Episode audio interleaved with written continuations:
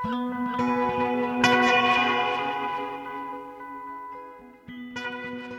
og sæl, kæru hlustendur. Ég heiti Halla Hardardóttir og hels ykkur hérðan úr hljóðstofi Vísjár. Miðugudaginn 21. desember.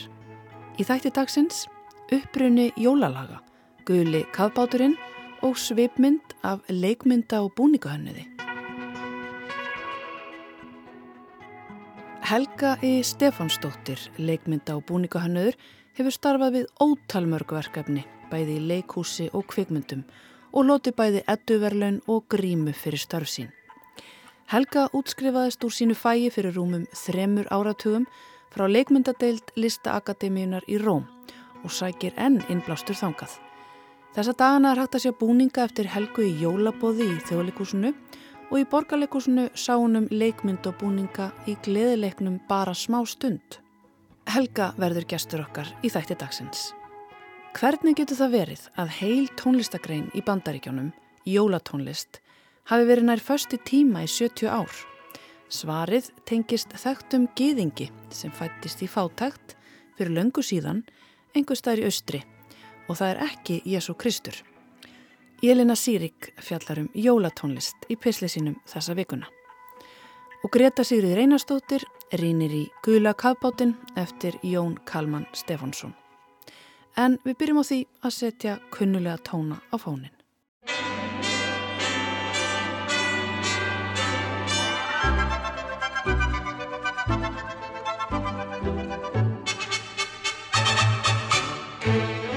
It's beginning to look a lot like Christmas Everywhere you go Take a look in the five and ten. Glistening once again. With candy canes and silver lanes aglow. It's beginning to look a lot like Christmas. Toys in every store. But the prettiest sight to see is the holly that will be on your own front door Jólatónlist Tilhugsunin einn fyllir suma hlýju en aðra skelvingu Hvort sem þú ert manneskja sem getur ekki beðið þánga til jólatónlist byrjar að hljóma í lók hvers árs eða hvort þú reynilega þólir hana ekki, þá er það vægasagt merkilagt að engin unnurháttíð hefur sína eigin tónlistargrein. Á hverju ári koma út nýjar jólaplötur frá helstu tónlistarmönnum landsins og heimsins en það getur verið erfitt fyrir ný jólalög að steipa af stóli eldri lögum sem oft halda vinsældum sínum áratugum saman. Þetta og sérstaklega við í bandaríkunum. Árið 2014 byrsti ASCAP, samband bandaríska tónskalda og rétthafa, lista yfir mest spiluðu jólalög allra tíma eftir rétthafa á þeirra vegum. Lægið í efstasæti listans er Santa Claus is coming to town, þekkt hér á Íslandi sem jólasveitnin kemur í kvöld. Á listanum eru 30 lög, mörg velþekkt hér á landi sem og í hinnum vestræna heimi. Lög eins og Let it snow eða Meiri snjó, Frosty the Snowman eða Snæfinnur snjókarl og auðvitað slagarinn sem Mariah Carey samti á samt Walter Afanasieff árið 1994.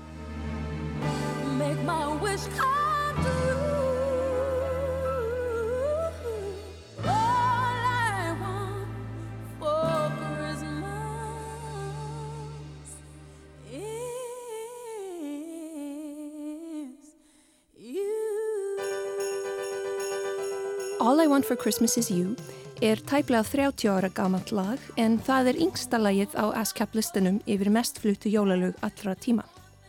Þegar útgáfu árlagana á listunum eru skoðuð kemur í ljós að af lögunum 30 voru 19 þeirra, tæplega tveir þriðjungar, gefin út á árunum 1941 til 1958. Hvað er svona sérstakt við jólalög sem gefin voru út á 5. og 7. áratug síðustu aldar og hvernig getur það verið að heil tónlistargrein í bandaríkunum, jólatónlist, hafi verið nær först í tíma í 70 ár? Svarið tengist þekktum gýðingi sem fætist í fátækt fyrir laungu síðan einhver staður í austri. Ég er að vísu ekki að tala um Jésu Krist, heldur um tónskaldið og lagatekstahöfundin Irving Berlin.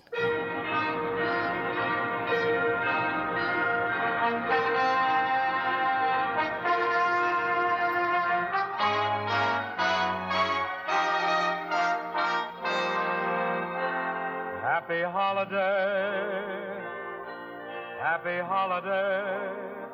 Irving Berlin fætist Israel Beilin árið 1888 í keisaradæminu Rúslandi en flutti til bandaríkina á samt fjölskyldu sinni þegar hann var fimm ára. Þúsundir geðingafjölskyldna fluttu til bandaríkina frá Rúslandi á þessum tíma. Flestar á flóta undan fátækt, mismunun eða skipulögðum ofsóknum. Fjölskytta annars þekst bandarist tónskálds, George Gershwin, var einnig meðal þeirra.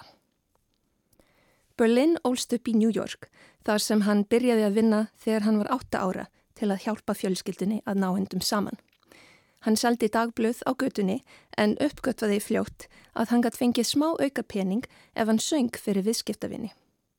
Setna fekk hann starf sem syngjandi þjótt á bar á Manhattan. Eftir að barinn lokaði á hverju kvöldi stalst hann í píanóið á staðnum og kendi sjálfum sér að spila. Það leiði ekki langur tími þanga til hann byrjaði að semja lög og þessi lög urðu slagarar. Eitt lag Berlins, gefið út árið 1942, varð stærsti slagari allra tíma.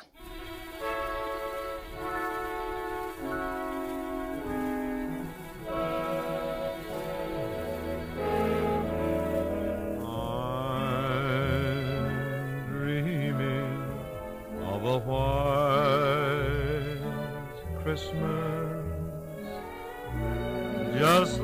like the ones I used to know.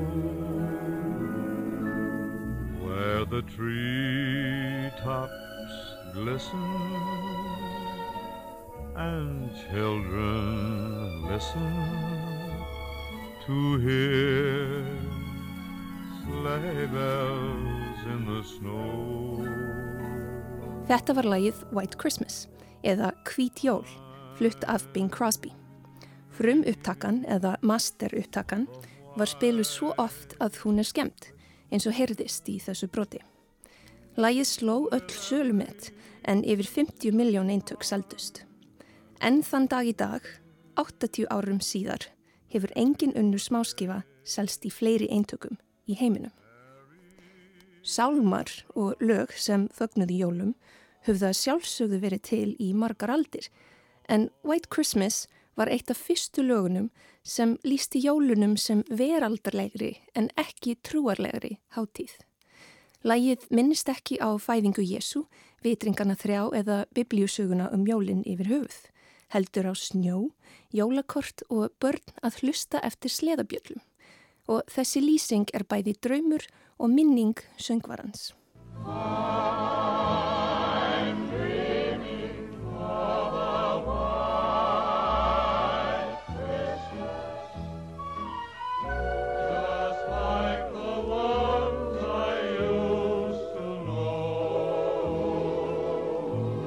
Lægið kom út í miðri setni heimsterjöld og nostalgísk umgjurtas hitt í mark, sérstaklega meðal Hermanna langt frá sínum heimaslóðum.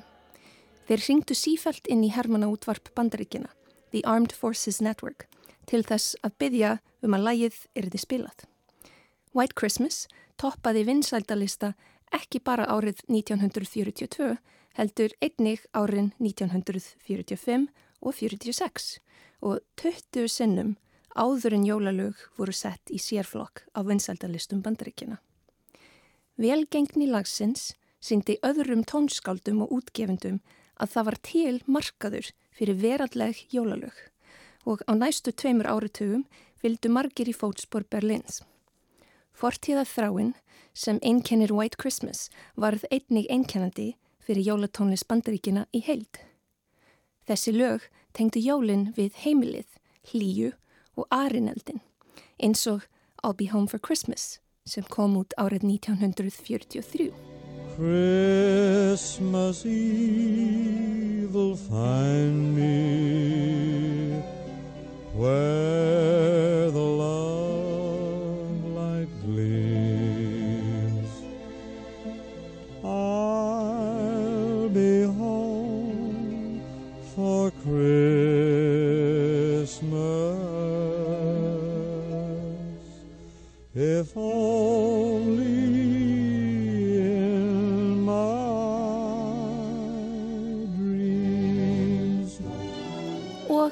Yourself a Merry Little Christmas sem kom út árið 1944.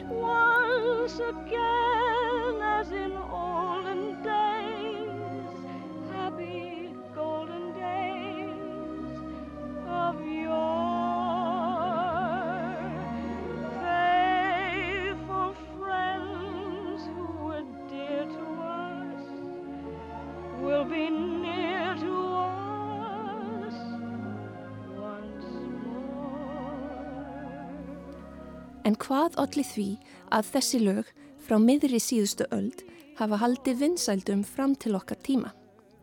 Einskýring gæti verið að bandarísku hermennir sem hlustuð á þau í setni hemstyrjöldinni fóru heim og feðruðu 76 miljónir barna milli árina 1946 og 1964. Þessi stóra kynnslóð af eftirstrís ára börnum ólst upp með jólalögunum sem fóreldar þeirra elskuðu og tengir þessi lög við jólin í barnæsku. Nýri jólatónist við svegar um heiminn hefur einni smitast af þeim þemum sem komu fyrst fram í læginu White Christmas. Notaleg heitum á heimilinu, fortíðar þráni og því að viðhalda gömlum og góðum jólahefðum.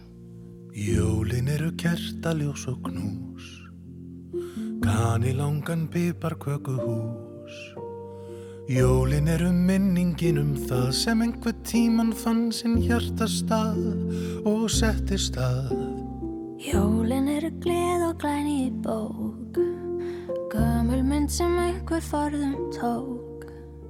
Jólin eru undur tekningin Það eru patsleg eftir væntingin Í sérkvært sinn. Jólin eru okkar og allt sem fylgir þeim. Dyrinn í töfra heim. Jólin eru okkar og hvernig sem allt fer ég óska mér að eyða þeim með þér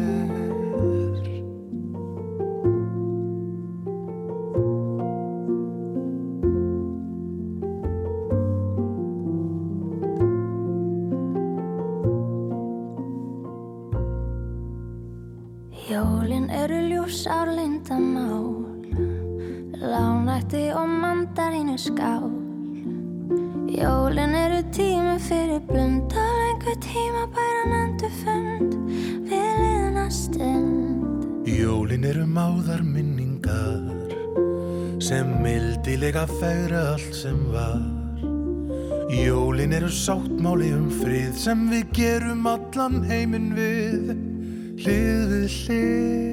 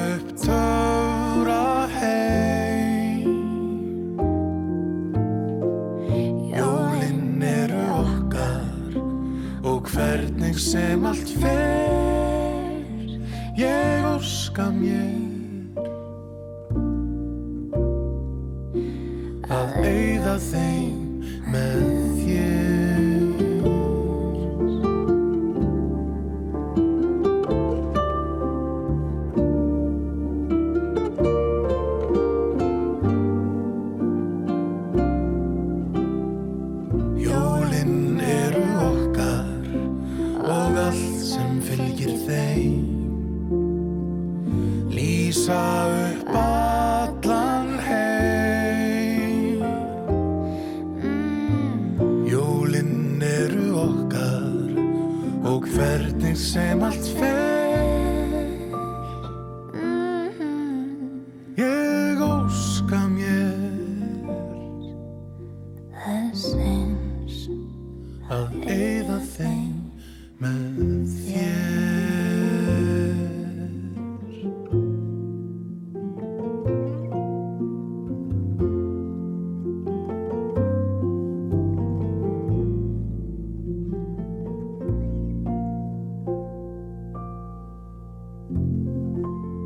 Jelena Sýrik, tónlistarkona og tónlistarpælari okkar hér í Vísjá, velti fyrir sér uppruna og andrumslofti jólatónlistar. Þetta síðasta lag sem hún setti á fónin var úr smiði Bakalúts, sungið af Valdimar og Bríett. Og á þeim nótum höldum við inn í jólabækurnar. Í þetta sinn er rýnt í Gula Kappáttinn eftir Jón Kalman Stefánsson. Greta Sýri Reynarstóttir tekur nú við. Við tölum oft um að við tölum ekki nóg um tilfinningar karla. Að strákar, menn og karlar þurfi að vita að þeir megi gráta, verða reyðir eða elska. Þessar heitu, sterku tilfinningar eru hluti af lífinu og allir með mennst hjarta finna fyrir þeim einhver tíman á lífsleiðinni. En að finna þessar tilfinningar er bara fyrsta skrefið. Svo þarf að vinna úr þeim, vita hvað er ótti og hvað er kvíði, hvað er sorg, hvað er óindi, óöryggi, væntum þeikja, kæti og hvað við gerum við þessar tilfinningar. Ef það er engin útleið fyrir þær, geta heitar tilfinningar brent okkur upp að innan. Jón Kalman Stefansson er með færari höfundum landsins í litrikri tilfinningatjáningu. Í skáldsögum sínum og ljóðum hefur hann kannad flesta kíma í hjartamannsins og líst þeim fyrir lesendum á ljóslifandi hátt, hvort sem hann fær innblástur frá lífi sjómanna fyrir á öldum eða sínum eigin uppvakstar árum. Í nýjustu skáldsögu sinni, Guðlum Kavbátt, leitar hann á kunnulegar slóðir, en bókin fjallar um miðaldra reytöfund sem rifjar upp æsku sína, móðurleysið, föðursinn, biblíuna, tónlistina og allar tilfinningarnar. Þetta er þroskasaga, en í gegnum þroska barnsins segir sögumadur okkur söguna af þroska sínum sem fullorðins manns. Sagan er að mestu sögð í endurlitum, en miðaldra reytöfundurinn situr í ennskum almenningskarði og rifjar upp fortíðina meðan hann manar sig upp í að nálgast Paul McCartney sem situr ekki langt frá. Frásögnin er ljóðræn og drömkend og personugallerið er skipað fólki af holdi og blóði, liðinum sálum, frægum tónlistamönnum og guði til japs. Sögumadurinn rifjar upp barnæsku sína frá þeim tímapunkti þegar hann visti mömmu sína úr krabbameini, sambandsitt við mannin sem á að heita fadir hans, vistina í sveitinni og vini á unglingsárum. Tungmálið er ríkt af myndum. Þannig lýsir sögumadur smarri konu í sveitinni svo að hún taki ekki meira pláss en regndrópi og þegar hann smekkar selkjött í fyrsta sinn finnst honum það vera svo feitt að mér líður eins og ég sé með munnin fullan af blöytum ánumöðkum. Endurtekningar spila stórt hlutverk og ákveðin stef koma fyrir aftur og aftur, ákveðinar minningar og atriði sem skipa stóran sess í endurminningunum. Frásögnin er líka líkamleg á áhugaverðan hátt. Tilfinningar sem ekki fá útrás setjast í þungar hendur og hrætt tippi sem pissa á raungum stöðum og stundum. Tónlistin spilar stort hlutverk, tónlist æskunar og þá ekki síst bítlarnir. Í heiminum sem dregin er upp í gulakafbótnum eru bítlarnir tónlist móðurinnar og annara kvenna í bókinni sem syngja grípandi melodíur og finlega teksta og skapa örugt rými. Á meðan er fadir hans hundeldur af Johnny Cass og Rod Stewart sem syngja með honum grottalega sjómannasöngva um kynlíf og kæristur í hverju höfn meðan það lækkar í vodkapellanum. Í gegnum allt verkið endur Rómar söngur Ringós um gula kafbátinn sem þeirri sögumanni táknar atkvar frá róti heimsins. Ímyndaðan veruleika þar sem ekkert slemt getur gerst. Það er áhugavert að fá insýn í heim manns á ákveðnum aldri og reyna að skilja rýmið sem bítlarnir skildu eftir sig fyrir stóran hóp fólks á þessum tíma. Tónlist hefur aldrei jafnsterk áhrif á mann og á uppvakstar árunum og þeir tónlistamenn sem breyttu hugsun manns þá eiga alltaf stað í hjartanu. Þó titill bókarinnar skýri sig fljótt þegar lesturinn hefst, verði ég að viðurkenna að mér þykir þetta skref nýðar á við fyrir Jón Kalman, ókríndan konung bókatitla á Íslandi. Frá manninum sem ferði okkur snarkið í stjörnunum ímislegt um risafyrir á tíman og fjárvera þín er myrkur, finnst mér hálf súrt að fá gulan kafbátt. Skaldsagan sækir ímsan innblástur í líf og tilveru höfundar og sögumadur er reythöfundur á miðjum aldri sem ólst upp í Keflavík líkt og Jón Kalman. Þar að auki brítur sögumadur reglulega fjörðavekkin og vísar til þess að hér sé um skaldsögu að ræða. Ég naut um þetta í lestrinum og þótti þetta stilbrað óþarfa ámeiningar sem rufu sambandi við frásögnina og skapa fjarlæð frá sögumanni frekar en það færi mann nær. Það gerist í raun ekki mikið í bókinni og það sem gerist, gerist hægt. En fyrir sjö ára gutta sem er nýbúin að missa mömmu sína er þetta allur heimurinn og höfundi tekst vel upp að sína hvað lítil atriði geta hatt stór áhrif og endur ómað út lífið. Mótvægið við tilfinningarlega úrvinnslu sögumannsins er svo fadurinn sem getur ekki tekist á við minningarnar, heldur sækir í áfengi og ofbeldi til að deyfa sársökan. En minningarnar um föðurinn og aðra menn sem urðu tilfinningum sínum að bráð fylgja ekki reyði heldur sorg. Hann sínir þeim umhyggjuna sem hann sjálfur og aðrir hefði þurft á sínum tíma. Eins og höfundur segir, þá þarf hugur ekki til að elska en ekki til að slá. Það tekur tíma að venjast taktinum í hægri uppbyggingu frásagnarinnar, en þegar hún er komin af stað verður skriðþungin æg meiri og tilfinningarlegur hábúndur bókarinnar er vel undirbyður. Hinn ljóðranna frásögn, endurtekningar, nærvera hennar dánu og tilfinningar þeirra lifandi eru áhrifarík blanda og ég táraðist við lesturinn. Eitthvað sem ég bjóst ekki endilega við að bóka eftir miðaldra kartmann um bílana. Þetta er ekki bara saga um að glíma við áföll, heldur hvers vegna við gerum það og hvers vegna það er þess virði að kafa ofan í gamlar sorgir og gráta tárum sem fengu ekki að falla 50 árum fyrr. Greta Sýrið Reynarstóttir fjallaði um Gula kafbátinn eftir Jón Kalman Stefánsson. Og þá er komið að föstum lið hér á miðvíkutugum í Víðsjá, svipmyndinni og í þetta sinn verður dreyin upp mynd af Helgu í Stefánsdóttur, leikmynda og búningahönnuði. Helga hefur starfað við ótal mörgverkefni, bæði í leikúsi og kvikmyndum og loti bæði ettu og grímu fyrir. Helga útskrifaðast úr sínu fæi fyrir rúmum þreymur áratugum frá leikmyndadeild Listaakademíunar í Róm og hún setur nú fyrir okkur að lag á fónin.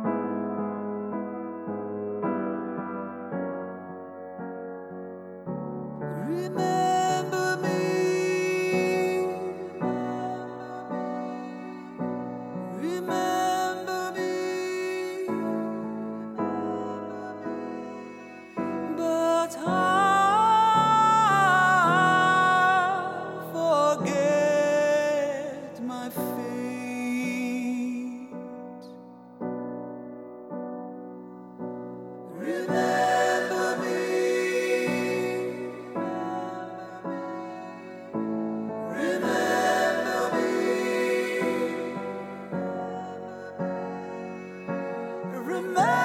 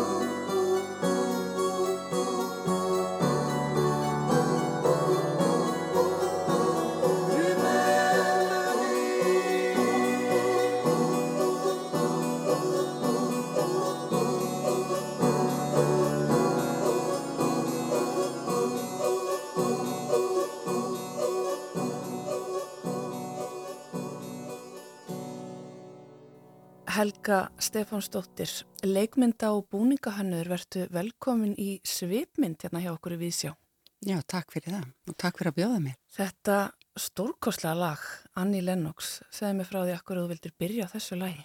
E, það tengist e, hvoru tveggja jólunum, að því að þetta er á jólaplötu e, með Annie Lennox sem ég hef mikla mætur á og það tengist líka fyrsta verkefninu sem ég vann við þegar ég kom heim úr námi fyrir e, 20, nei, 30 og 3 árum síðan. Og þá fekk e, föðubróðu minn mig til þess að e, gera leikmynd og búninga fyrir Dito Eneas ég gleyma að segja hver það var, það var e, Sigurður Pálsson. Og það var verið að setja upp þessa síningu í e, Langkólskirkju uh, og þetta er sko eina perlum óperusögunar finnst mér. Þessi, þessi hérna mm, uh, söngur dítuar rétt áður en hún deyr. Og, og mér fannst þetta þegar ég rakst á þessa útgáfi fyrir einhver málum síðan mér fannst hún svo skemmtileg hjá Anni mm -hmm. þess vegna var þetta fyrir valinu. Mm -hmm hún er auðvitað alveg stórkurslega sönguna og að taka þetta, þetta var mjög óvænt að heyra mitt þessa útgafu af þessari frægu arju. Já, einmitt. En þarna ertu sér sagt, ég ætlaði að spyrja það hvort þú myndir eftir fyrsta verkefninu, þú mannst það greinilega. Hvernig var að koma heim frá Róm eftir að hafa verið þessu námi og fara beint í kirkju og setja upp óperuverk? Óskup eðlegt. það svo mikið að kirkjum í Róm uh, sem að maður heimsækir endalust að því það er svo mikið af, af list. Mm. þannig að það er alltaf gott ef list uh, er inni, maður finnur list í kirkju. Mm -hmm. uh, það var það var bara mjög ánægulegt en sko þannig er það fyrsta leikús verkefni sem ég vinn hérna heima. Mm -hmm. ég hafði áður verið unnið í kvikmundu uh, og auðlýsingagerð og, og alls konar og líka í leikúsu, eitt lítið leik, leikúsuverki í, Róm en þetta var svona fyrsta sem ég gerði eftir mm -hmm. sem var leikústengt eftir ég kom heim mm -hmm. Af hverju ákast að fara í leikmynda á búninguhönnun? Það eh, kom bara eitthvað að sjálfum sér ég sko var í ballett sem krakki og tók þátt í leikúsun leik, leiksýningum batna, e, sem batn, húningur og þá fekk ég þessa e, bráðsmittandi leikúsbakteríu og e, og það er ekkit auðvelt að losna við hana. Svo var ég nú á tímbuli búin að ákvaða að vera, ger, vera e, skúlturisti e, og vinna bara með vefnað. Og það var svona e, það var e, já lengi, svona einhver ár sem að það blundaði með mér og en svo uh, var þetta einhvern veginn bara látið augum uppu að ég gæti gert skúltúra á, mm -hmm. uh, á söðinu. Þetta mætist allt, leikursbakterían, skúltúrgerðin og þessi textil heimur. Já, ég var búin að vera saumandi alveg út í eitt sko. Gekk ekki í nokkrum flíknum að ég væri búin að búina til sjálf og svona. Sem unglingur þá eða? Já, þannig að það var bara einhvern veginn, ég var alltaf að. Þannig að, um, þú veist, ég var búin að vera að prjóna mér til óbóta og, og hérna, þannig að það var bara einhvern veginn, láta allt í augum uppi. Mm -hmm. En áttur þeir eitthvað fyrirmyndir í leikúsinu eða í hönnuðum? Ég, það kom ekki fyrir enn sittna þegar ég var, fór að sko kynnast svona e, leikús hverjir hefðu gert hvað. Mm. Þá, þá svona horfið maður upp til margra af mikillir lotningu og, og svona reynda að læra eitthvað að þeim. Mm -hmm. en, en það kom ekkert fyrir en svona um, maður farin að læra um þetta. Einmitt. Og Róm, af hverju var Róm fyrir valinu? Þú lærðir þar? Ég ætlaði paflega til eh, Parísar en eh, svo eh, getist ég manni sem að sem basfæðar minn sem að hann var á leðin til Rómar og ég sagði fyrst já fínt þá hittust við um jól og páska í, í, á, í Sviss á miða vegu en svo var samfærað mig um að Róm var miklu betri heldur en París. Og það hérna, ég sé ekkert eftir því. Það var alveg dásamlegt að vera í Róm og, og, og ég lærði ekkert, ekkert síður að vera í borgin en, en námið. Að horfa á vera stöðut með fegur fyrir framann fram að sig hverju fótmáli það, ég lærði svo mikið af því líka. Og Endalus innblástur. Það er endalust innblástur. En það, það var rauninu verið frekar svona uh, gamaldags og ég, haf, ég sóttist í það á þessum tíma. Það var svona e, daldið e, svona e, það var mjög algengt að fólk var að brjóta reglur og um, mér fannst einhvern veginn að og það var svona mikið verið að brjóta reglur á þessum tíma Erstu að minna almennt eða leikúsinu? Já, svona í, í, í listum mm -hmm. og þarna 80 og eitthvað og, og, uh, og mér fannst uh, þetta aldrei gott að vita grunninn til þess að vita hvaða reglur ég ætti að brjóta.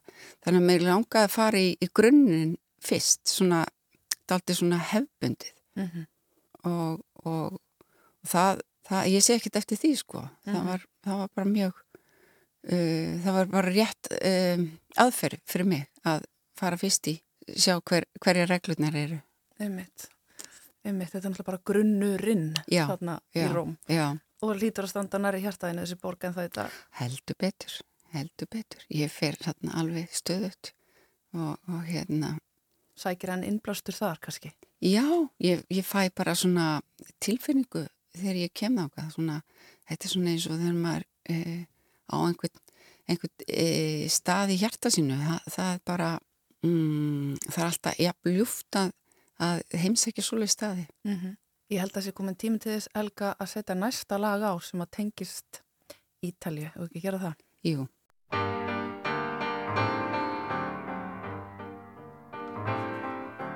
Vieni, vieni, vieni via di qui. Niente più ti lega questi luoghi neanche questi fiori azzurri. Via, via, neanche questo tempo grigio, pieno di musiche e di uomini che ti sono piaciuti. It's wonderful, it's wonderful, it's wonderful. Good luck, my baby, it's wonderful, it's wonderful, it's wonderful. I dream of you, chips, chips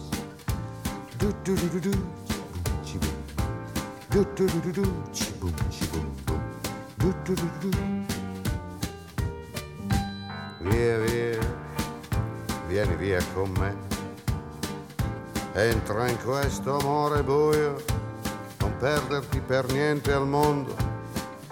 Via via. Non perderti per niente al mondo. Lo spettacolo d'arte varia di uno innamorato di te. It's wonderful, it's wonderful, it's wonderful. Good luck, my baby, it's wonderful, it's wonderful, it's wonderful. I dream of you. Chips, chips. Do do do do do. Chip, chip. Do do do do do.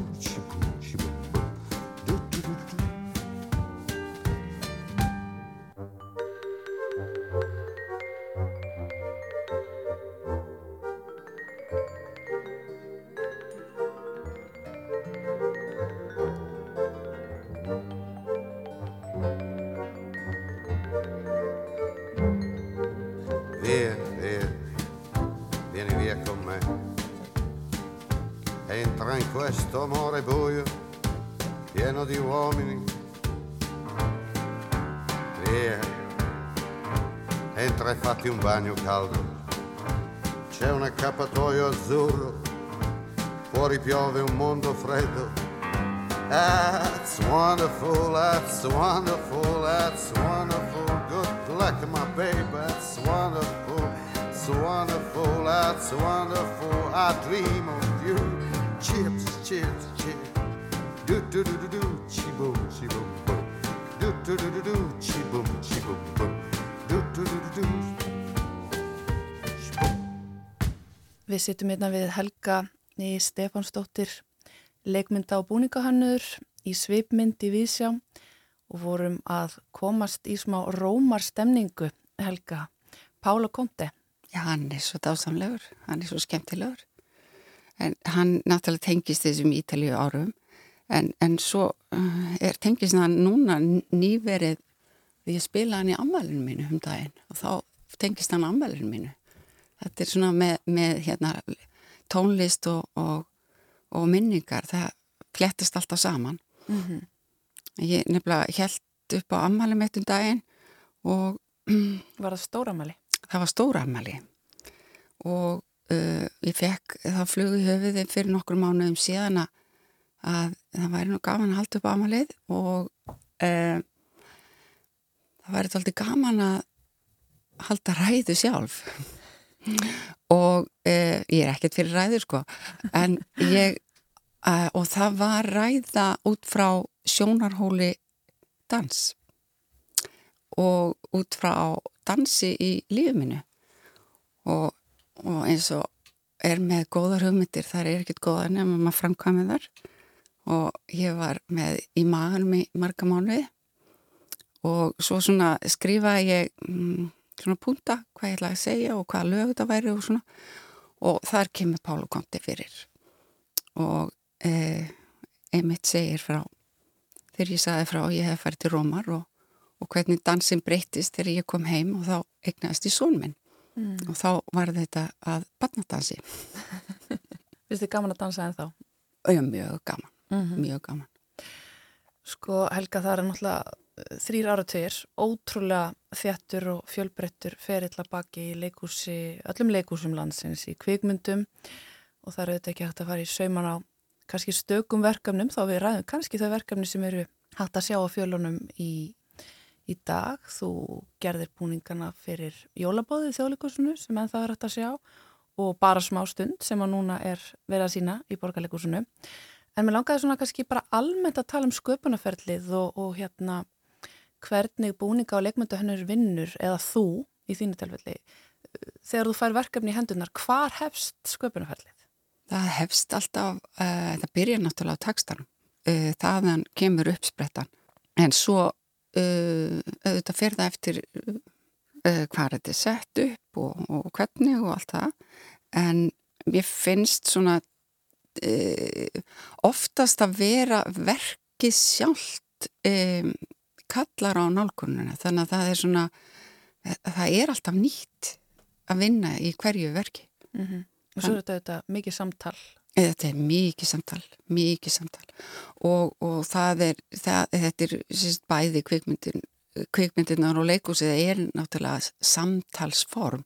Þetta er, þetta er samvinnu verkefni og það er að, aðeins munur á sko leikúsinu og, og kvikmyndunum. Það er, um, í leikúsinu þá er meira að þróa verkefni fram að síðustu stundu og hægt að gera breytingar en e, í kveikmyndunum þarf að vera búið ákveð miklu fleiri, meira áður. Mm -hmm. Þannig að það er svona, það er ekki eins mikið svigrúm til þess að gera breytingar vegna uh, hraðans og, og, og þetta eru uh, yfirleitt fáir undirbúrumstagar, uh, langir dagar og, og mikið þarf að vera að tekja inn á efni á hverjum degi. Mm -hmm. Þannig að það, það er svona, meðan að, að í leikursun er, er svona, um, það er hægara ferli, það er svona ekki eins, eins snart.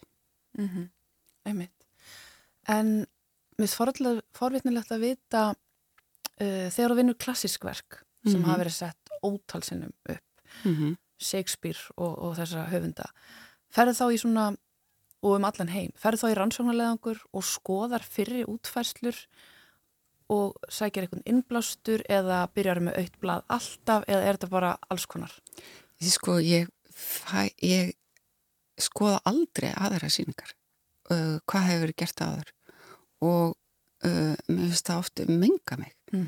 eða trubla mig uh, og ég vil helst ekki vita hvað þeir eru búin að vera að gera og um, þannig að, að e, þetta er, mér finnst það að vera fyrir mig er það miklu þægilega að, að hafa ekkert skoðað uh, hvað aðrir hafa gert ég hef einu sinni gert að fóra á síningu áður mm.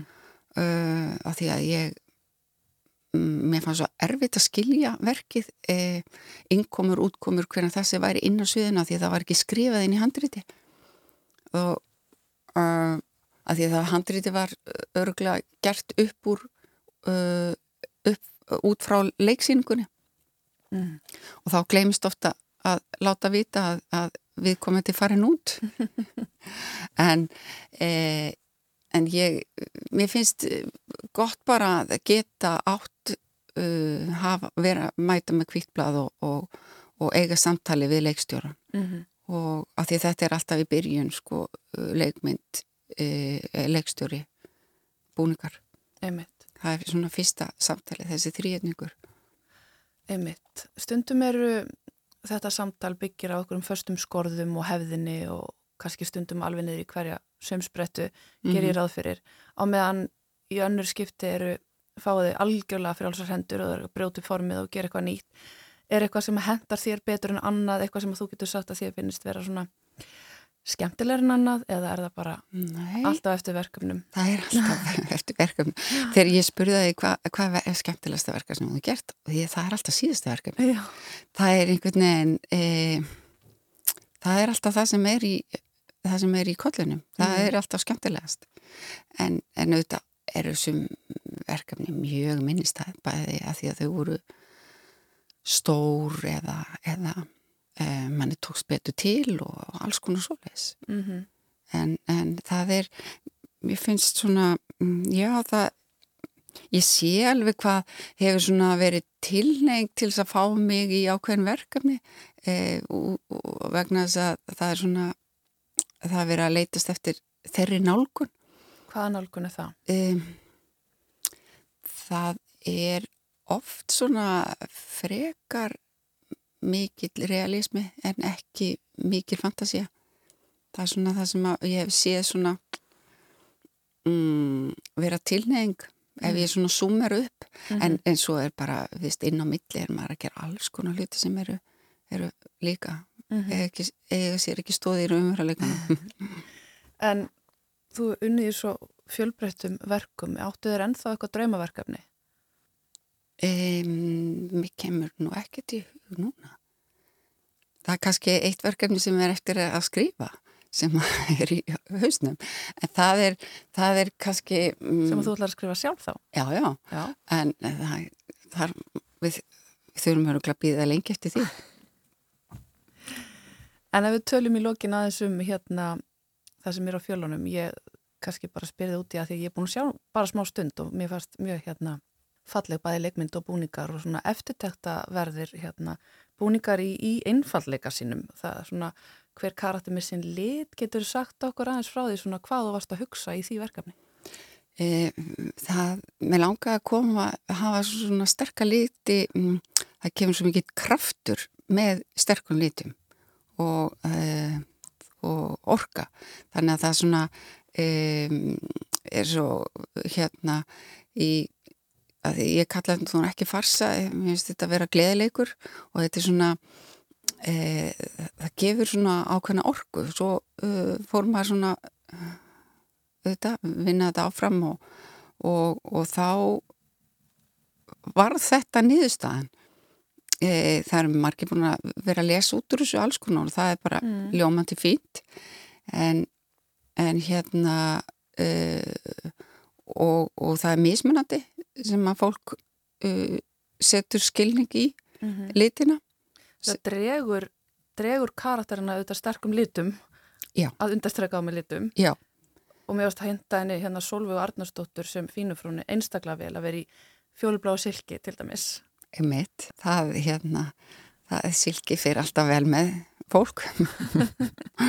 en, nei, nei, það, það var, var einhvern veginn bara, það var mjög fljóð, svona þetta kom frekar eh, snemma á ferðlurum að, að því að íbúðun átt að vera nánast hvít eh, og, og þá er svo gaman að fá, það er allt svo stílið sér að og fínt og fá hjá þeim að, að það halva væri nóg þannig að það, það er svo gott að fá inn hérna, já, litina mm -hmm. gegnum alla karakterina Einmitt. Við erum að ótrúlega þess að og þú helst að þetta myndi taka mjög langur stund að líða en við erum strax konar hérna upp í marga mínútur og við erum bara að klára tíman Helga Jú. en við höfum þann háttin á hérna í vísi á að klára þessa svipmynd á þremur raðaspurningum Já. af spurninglista Proust og hérna, hér koma þær Hvaða mannkosti kanntu best að meta? E, heiðarlega, heiðarleika og e, kærleika. Mm -hmm. Áttu þér eitthvað lífsmotto? Að njóta og hafa gaman. Ef þú verður ekki uppi á okkar tímum, mm -hmm. á hvaða tímum verður þá uppi? eftir hundrað ár. í framtíðinni? Já, í framtíðinni. Takk fyrir að vera með okkur hér í Vísjá. Helga í Stefansdóttir, leikmynda og búningahönnur og um, gangið vel í næstu verkefnum og gleðli jól. Já, þakka fyrir sem að leiðis gleðli jól. Við ætlum að fá að enda á lægi sem að þú valdir Hvaða lag er þetta, Helga? E, þetta kom mér nú óvart, ég skildi velja þetta lag. E, það var, e, finnst þetta svo frábær stelpa, ég sá hana fyrst á Þingari, við vorum í tökum á Sumuljósum, það voru tónleikar þar í bænum og mér fannst hún svo ótrúlega mikill frumkraftur í þessari stelpu og flott að þessuna fær þetta laga vera með. Við þökkum Helgu aftur fyrir komuna og á þessu lagi Gugussar, röttin í klettunum, endum við þáttin í dag. Takk fyrir að hlusta og verið sæl. Af öllum kröftum Nóttum var köld og hljóð Alheimurinn starir á mig Vill losna við sig